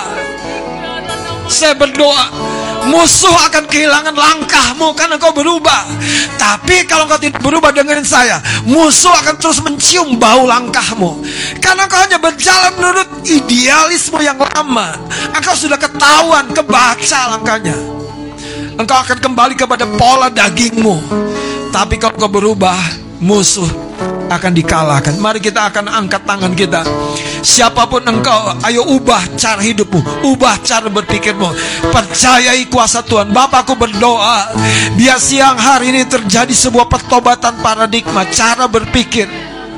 Ini akan membuat tidak ada kebuntuan yang tetap buntu. Tidak ada kebuntuan yang tetap buntu. Tidak ada sebuah keadaan yang akan membelenggu hidup kami terlalu lama. Kami akan melihat janji-janji Tuhan terjadi. Karena jawaban Tuhan selalu ada di sekeliling kami. Kami tidak akan kembali kepada cara berpikir yang lama. Kami tidak akan kembali kepada cara berpikir yang lama. Hambamu berdoa Tuhan hari ini Biar rohmu menginspirasi kami lebih dalam dan lebih dalam dan lebih dalam dan lebih dalam lagi kami mau seperti Abraham yang diajak keluar Keluar dari tenda Tenda keterbatasan batasan pemikiran, melihat bintang di langit dan menyadari betapa mulia dan kuasanya Tuhan dalam hidup kami. Betapa mulia dan berkuasanya Engkau. Hari ini kalau engkau berapa kali berdoa untuk sakit penyakitmu belum terjadi kesembuhan, tenang. Sekarang sama-sama angkat tanganmu. Percaya saja kepada kuasa Tuhan. Di mana pun kau berada Kuasa Tuhan yang menyembuhkan Pagi hari ini Tuhan kami berdoa Siapa pun umatmu yang mengalami kelemahan tubuh dan sakit penyakit Ada blessing kesembuhan Ada berkat kesembuhan Yaitu oleh bilur-bilur Yesus Oleh tubuh Yesus yang berdarah dan terluka dan hancur itu Segala sakit penyakit sudah Sudah Sudah dipatahkan. Hari ini segala pikiran yang salah Kami balikan dalam nama Yesus. Kami telah disembuhkan Oleh bilur dan darah Yesus. Kami telah disembuhkan dan dipulihkan. Hari ini kami terima kesembuhan itu di dalam nama Yesus. Dan segala bentuk roh sakit penyakit yang membatasi langkah kami. Kami hadir engkau. Kami perintahkan engkau keluar. Keluar jangan kembali lagi. Keluar engkau dan jangan kembali lagi. Keluar engkau dan jangan kembali lagi. Keluar engkau dan jangan kembali lagi. Di dalam nama Yesus Kristus. Di dalam nama Yesus. Di dalam nama Yesus. Di dalam nama Yesus Kristus Tuhan. Saudara Abraham dan Sarah saya percaya mempercayai janji Tuhan tapi belum melihat bukti. Tuhan mengajar apa? Ada waktunya bertekun. Itu sebabnya Tuhan setia menggenapi firman-Nya. Hari ini, kalau engkau merasa hidupmu sedang mandek, dengerin firman hari ini. Rubah cara berpikir, cara melihat hidupmu. Rubah cara dirimu mempercayai Tuhan maka kau lihat jawaban-jawaban doamu berkemenangan. Berkemenangan. Syatara. Mari angkat tangan kita. Syataroba shekarala batakarana. Ayo kita berbahasa roh maya rasekete. Barasekenawi aroma mamaya. Sambil berbahasa roh biarlah paradigma-paradigma yang lama, pemikiran-pemikiran yang lama. Engkau lepaskan, kau kebaskan, kau lepaskan, kau kebaskan. Engkau menjadi pribadi yang baru, menjadi pribadi yang baru. Barasekeneme kinemene kinemene Rato koto sande. Mababa rasande naika. Borakoto korobo. Di setiap keadaanmu selalu ada jawaban. Ada jalan keluar. Ada kemenangan. Ada jawaban. Nama kata-kata rigaro. Masande niarase. Bahkan engkau akan menjadi jawaban. Engkau akan menjadi jawaban bagi banyak orang. Nama takarala badarala badara Sigaralama yasakana. Sigaralama baba baba baba baba baba yaso. Barakoto kono. Hirasan de namata kanala. Bara sekere de be de be de be de be kiaralama danala. Orata kanala mini nini ni kiarase. Mari katakan darah Yesus. Darah Yesus atas keluargaku. Darah Yesus atas orang-orang yang aku kasihi. Darah Yesus atas orang-orang yang kulayani. Darah Yesus memproteksi. Darah Yesus menjagai. Darah Yesus memagari. Darah Yesus menghancurkan setiap pekerjaan si jahat. Darah Yesus menghancurkan setiap tipu jahat. Tipu daya si jahat. Darah Yesus. Darah Yesus. Darah Yesus. Darah Yesus berkuasa. Nama kata robo shikaro basana. Maratakan minali gabo karasiki dene. Nama kari karase dene kiaro basando maka. Yang terakhir, Bapak Ibu Saudara, kalau Tuhan berkata sebuah perkataan idealis, Ayo coba tarik kepada hidupmu. Apakah engkau seorang yang idealis pada satu hal, pada satu bidang, pada satu keadaan? Seperti seorang yang minta pertolongan dari Tuhan. Harusnya Tuhan bicara langsung. Harusnya Tuhan datang kirimkan malaikat. Tidak ada harusnya. Tuhan berdaulat. Tuhan punya cara yang melampaui pikiran kita. Kalau engkau jadi orang yang fleksibel dengan Tuhan, engkau tahu engkau bisa mengalahkan musuhmu. Kinamus. Ayo bertobat, ayo berubah, ayo minta ampun. Jadilah orang yang fleksibel di dalam Tuhan. Sehingga dia mampu membimbingmu, menuntunmu. Jadilah seorang yang responsif, responsif, responsif. Kalau engkau biasanya begini, begini, begini, keluar atau lampaui kebiasaanmu. Nama takaralaba Hirasakan dalam mataku robo shikeredebe. Rakatakan ini makara setede. Jadilah orang yang dituntun oleh roh Tuhan. Mabakarabasyakana. Jadilah orang yang dituntun oleh kebenaran. Kebenaran yang menuntun paradigmamu menjadi baru. Sehingga engkau menjadi pribadi yang baru. Yang berkemenangan. Engkau tahu setiap doamu telah dijawab Tuhan. Terima kasih Tuhan, ku yakin Kau hadir di sini. Ayo angkat kedua belah tanganmu, sembah dia. Ku rasakan kuasa yang tak terbatas. Ku yakin kau nyata di sini. Kemenangan, menangan terjadi Ayo dengan segenap hati katakan ku yakin Ku yakin kau hadir di sini. Terima Alami Kuasa Tuhan yang tidak terbatas Di sini. Kemenangan terjadi di sini. Sekali lagi dengan segenap hatiku yakin. Ayo saudara angkat kedua tanganmu, lambaikan kepada Tuhan. Ku rasakan kuasa yang tak terbatas. Ku yakin. kemenangan terjadi di kemenangan terjadi kemenangan. Terjadi di sini kemenangan. Alami terima kesembuhan kemenangan. Terjadi di sini. Ayo beri tepuk tangan yang terbaik. Sorak-sorak yang terbaik bagi Tuhan. Haleluya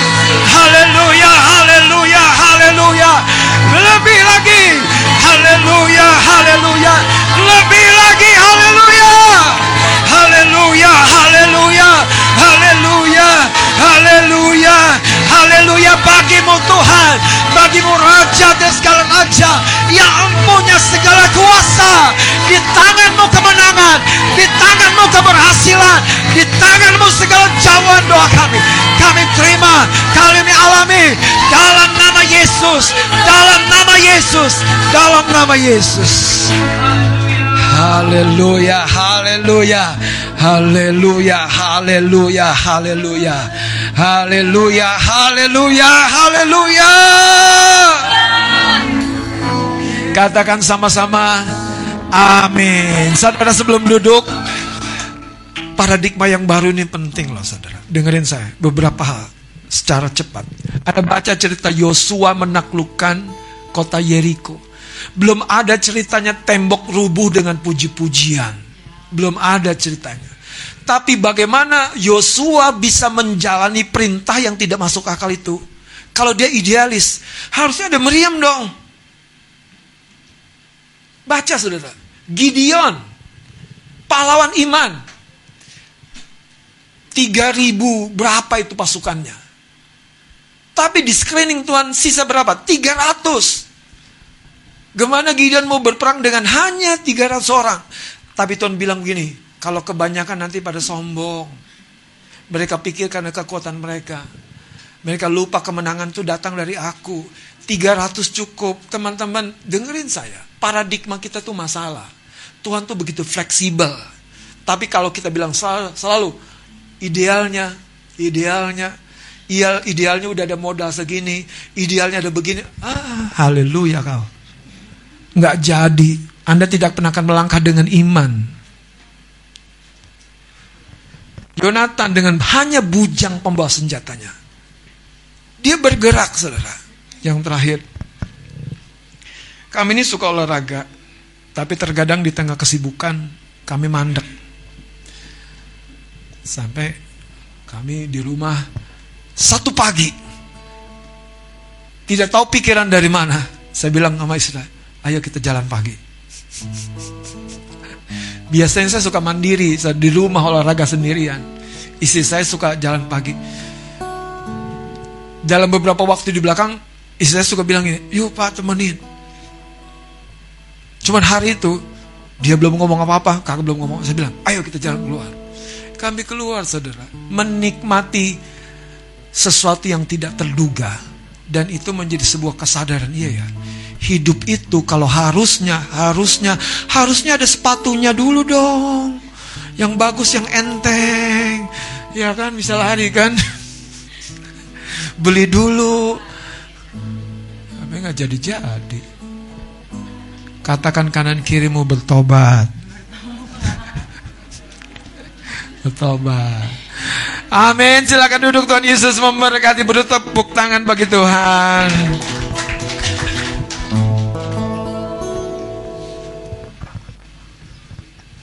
Haleluya. Amin. Saya dan saudara sama-sama bertobat ya saudara.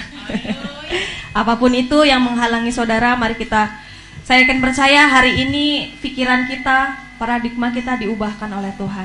Amin. Puji Tuhan. Dan hari ini adalah minggu terakhir. Jadi sebentar kita akan sama-sama mendoakan untuk adik-adik kita di gereja anak Ayo adik-adik boleh langsung masuk.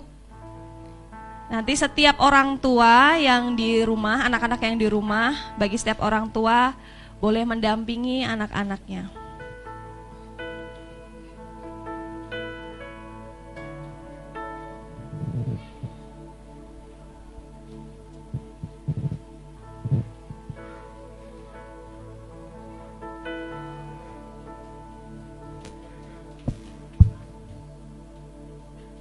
Untuk mereka jadi orang kalau itulah banyak umumnya untuk mereka bisa ini dengan dengan baik ya jangan salah pengertian. Mereka harusnya begini begitu. Bisa ini bisa begitu. Kata harusnya itu bawa ke hadapan Tuhan. Bawa saudara. Karena dari situ prosesnya anugerah akan bekerja kebenaran akan bekerja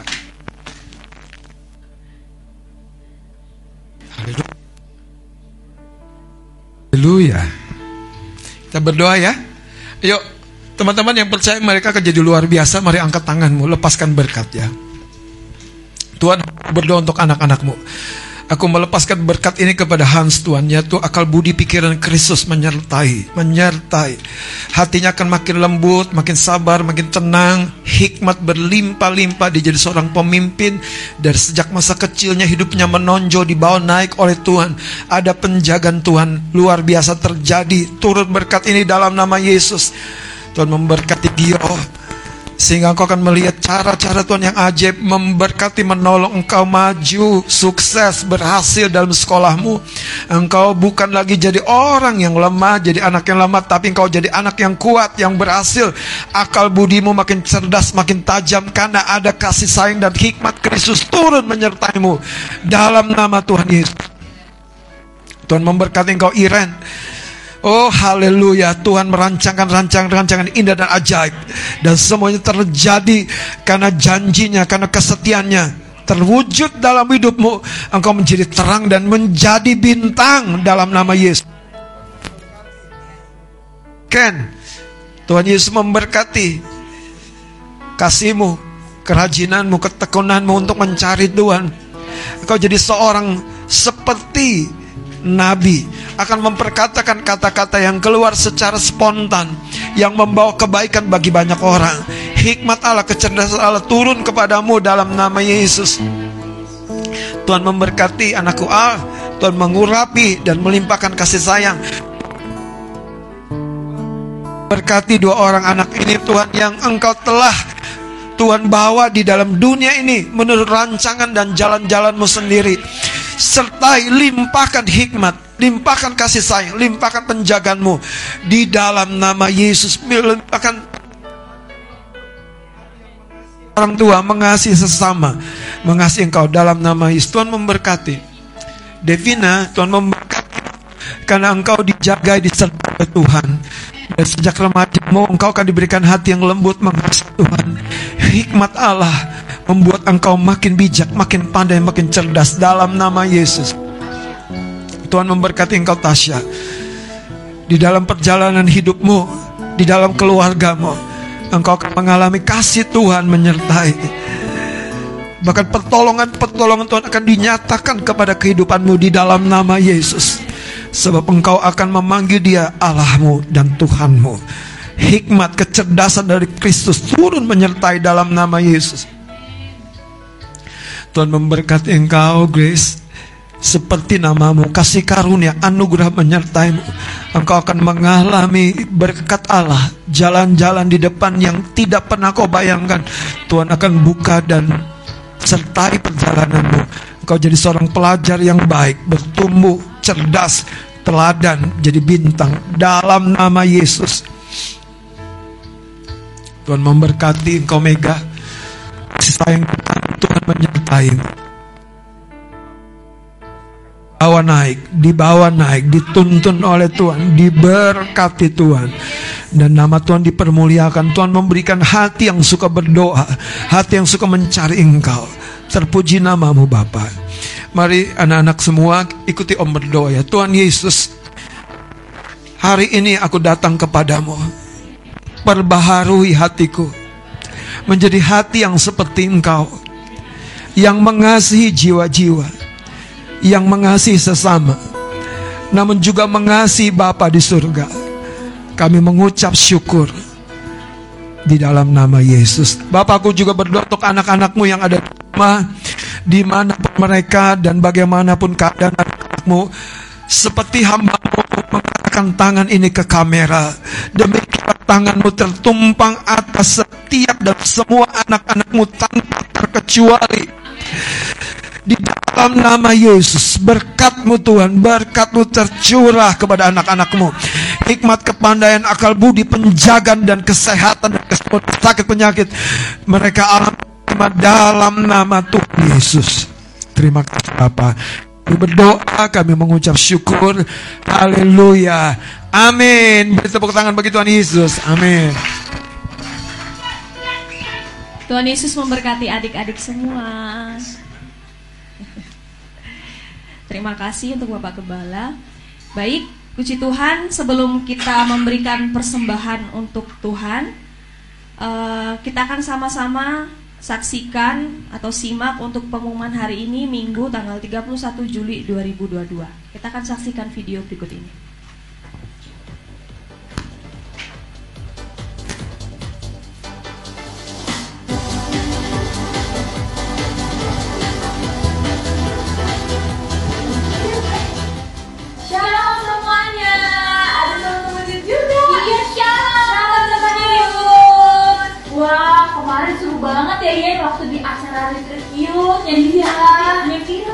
Kemarin ya baru hari hari Jumat sama hari Sabtu oh iya. Ya, dari tanggal 29 sampai tanggal 30 Juli. Oh iya.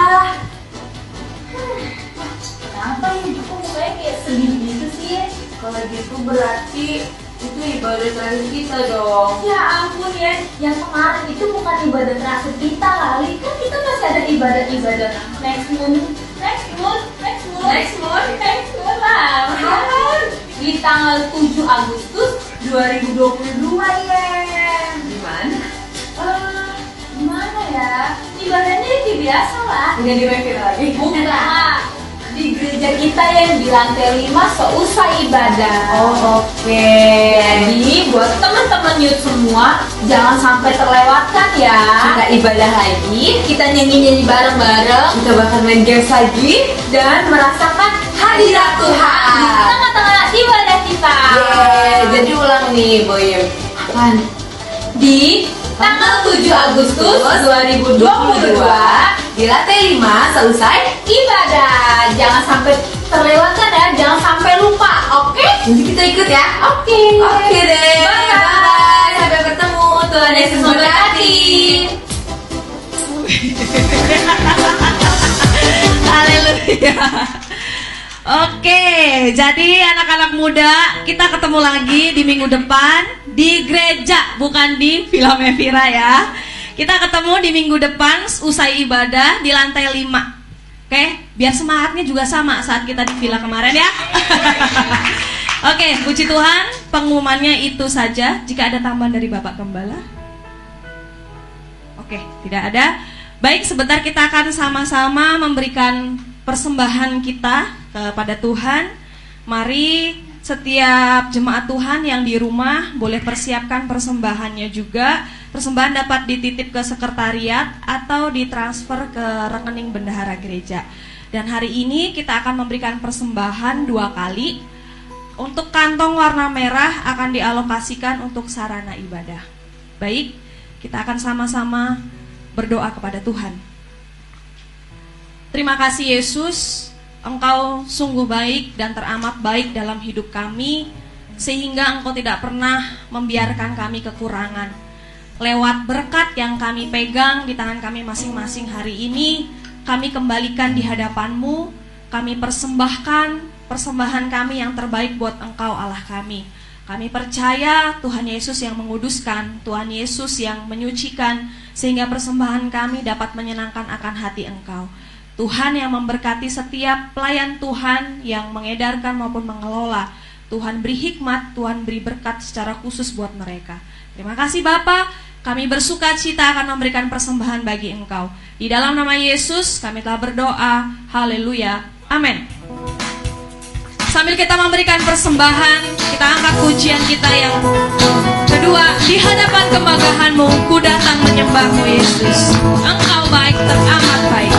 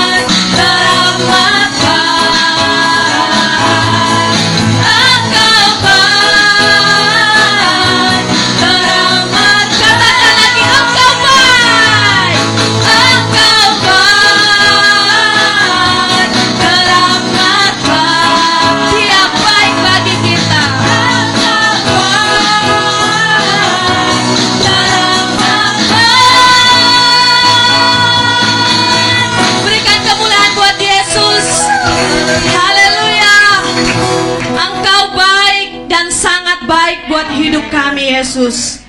Terima kasih Bapak, terima kasih. Hari ini kami percaya Tuhan Yesus disukakan karena puji-pujian kami. Tuhan Yesus berbahagia mendengar sorak-sorai dari umatmu Tuhan. Makasih Bapak, terima kasih. Di akhir ibadah kami hari Minggu hari ini Tuhan, kami bersama-sama bersatu hati, kami berdoa untuk setiap umatmu, jemaat GPI Kemah Pujian Tuhan. Kami tidak tahu Tuhan setiap pergumulan masing-masing, setiap apa yang mereka alami hari-hari ini Tuhan. Tetapi Tuhan kami percaya ada Yesus yang selalu bersama mereka. Engkau yang memberkati setiap langkah umatmu Tuhan. Di mana pun, apa pun yang mereka kerjakan, kami percaya ada dalam tanganmu. Ada dalam perlindunganmu Tuhan. Bagi mereka yang sakit hari ini menerima pemulihan dari Engkau. Mereka yang merindukan pekerjaan, Engkau yang memberikan jalan keluar yang terbaik buat mereka. Tuhan Yesus, Engkaulah yang menjadi sandaran kami. Makasih Bapa. Kami juga berdoa untuk gereja kami GPI Kemah Pujian untuk tempat ini kebun jeruk dan juga sekretariat.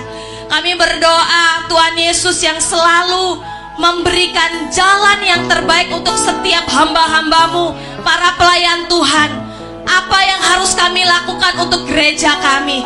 Kami percaya tuntunanmu akan lebih nyata lagi buat setiap kami. Engkau akan memberkati dua tempat ini menjadi tempat kediaman yang terbaik buat umatmu. Akan menjadi tempat jawaban bagi setiap umatmu yang merindukan engkau. Kami berdoa, Tuhan beri hikmat untuk para pelayan Tuhan. Terima kasih Bapak, terima kasih. Kami berdoa untuk bangsa kami. Kami sering mendengar COVID kembali lagi. Ada penyakit baru lagi. Ada bencana alam di sana sini. Ada kerusuhan di sana sini. Tetapi Yesus hari ini kami bersatu hati. Ada roh Tuhan yang lebih besar di bangsa kami. Yang mampu mengubahkan keadaan. Yang mampu menyembuhkan setiap sakit penyakit. Kami berdoa Tuhan yang memberkati setiap bangsa kami. Tuhan yang memulihkan bangsa kami. Berkati presiden kami Bapak Jokowi. Beri kesehatan, beri hikmat, beri tuntunanmu Bapak. Makasih Yesus. Dan kami juga mengangkat tinggi tangan kami. Melepaskan berkat buat pemimpin kami Bapak Ibu Gembala. Makasih kami melihat kasih setiamu sungguh nyata. Terus bertambah hari makin hari nyata kasih setiamu buat mereka berjalan terus bersama engkau. Diberkatilah setiap pekerjaan tangannya. Diberkatilah setiap pemikiran-pemikirannya. Diberkatilah setiap apa yang keluar dari mulut mereka. Menjadi berkat buat banyak orang. Makasih Yesus, terima kasih. Dan kami percaya sepanjang minggu ini Engkau ada bersama kami karena kami percaya Engkau baik dan teramat baik buat hidup kami. Terima kasih Yesus. Dan sebentar Tuhan kami akan sama-sama menerima berkat yang terbaik dari Engkau Tuhan. Terima kasih Yesus. Mari jemaat Tuhan saat ini juga kita akan berdoa untuk hamba Tuhan Rizbana, Bapak Gembala kita di GP Tulang Bawang, Sido Mulyo. Dan kiranya kuasa Tuhan yang tidak terbatasi oleh jarak waktu akan mengerjakan jauh lebih besar daripada apa yang kita panjatkan dalam doa. Biar kesembuhan terjadi sempurna, sempurna, sempurna. Apa pun gangguan penyumbatan pembuluh darah, apa pun itu hari ini Tuhan menyembuhkan. Mari angkat tanganmu, Bapak kami berseru kepada namamu yang ajaib. Nama Yesus yang ajaib. Nama Yesus yang berkuasa. Nama Yesus yang menghadirkan kemenangan atas setiap dosa, sakit, penyakit, belenggu, kutuk, dan setiap perbuatan setan. Nama Yesus yang membawa kelepasan. Dengan mengangkat tangan hari ini turunlah kesembuhan yang telah disediakan itu kepada tubuh hambamu Bapak Pendeta Rizbana. Hari ini kesembuhan pada seluruh pembuluh darah. Peredaran darahnya normal kembali kami melepaskan kuasamu. Engkau menjamah dari ujung kepala sampai ujung kaki hambamu ini. Pemulihan terjadi sepenuhnya Di dalam nama Yesus. Dan segala tipu daya si jahat apa pun perbuatan dan sabotase dari pelayanan hambamu ini apa pun yang dirancangkan oleh musuh hari ini sehati kami tolak engkau dalam nama Yesus dalam nama Yesus. Dalam nama Yesus. Api roh kudus membakar setiap pekerjaan si jahat. Di dalam nama Yesus. Di dalam nama Yesus. Sebab bukan oleh kuat dan gagah kami hamba-hambamu anak-anak. Tapi karena kemurahanmu karena kasihmu. Terima kasih Bapak Dan seluruh umatmu di mana pun mereka berada Engkau berkati Yang menantikan pertolongan sudah menerima jawaban. Engkau ajari kami hari ini berubah, bertumbuh, bertobat dari paradigma yang lama Cara berpikir yang lama. Maka kami tahu hidup kami akan terus bergerak maju bersama dengan engkau. Kalau demikian kekasih-kekasih Tuhan Mari angkat kedua tanganmu kepada sumber dari segala berkat di dalam penghidupanmu. Kepada Allah dan Bapa di dalam surga. Haleluya haleluya kiranya kasih karunia dan damai sejahtera yang melampaui akal dan pikiranmu kiranya kemurahan Tuhan yang membuat jalan-jalanmu di muka bumi ini terbuka dicurahkan kepada kehidupanmu sehingga engkau tahu dari setiap pintu yang sepertinya tertutup itu tidak terkunci.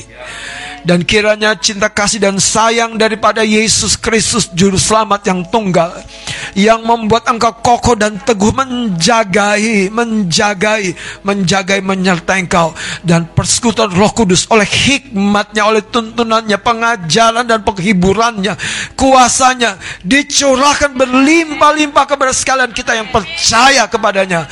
Mulai saat ini sampai selama-lamanya Maranatha Tuhan Yesus datang pada, pada kali yang kedua di dalam nama Yesus. Semua yang diberkati dan percaya katakan amin, amin, amin. Tuhan Yesus memberkati. Selamat hari Minggu, Tuhan Yesus memberkati.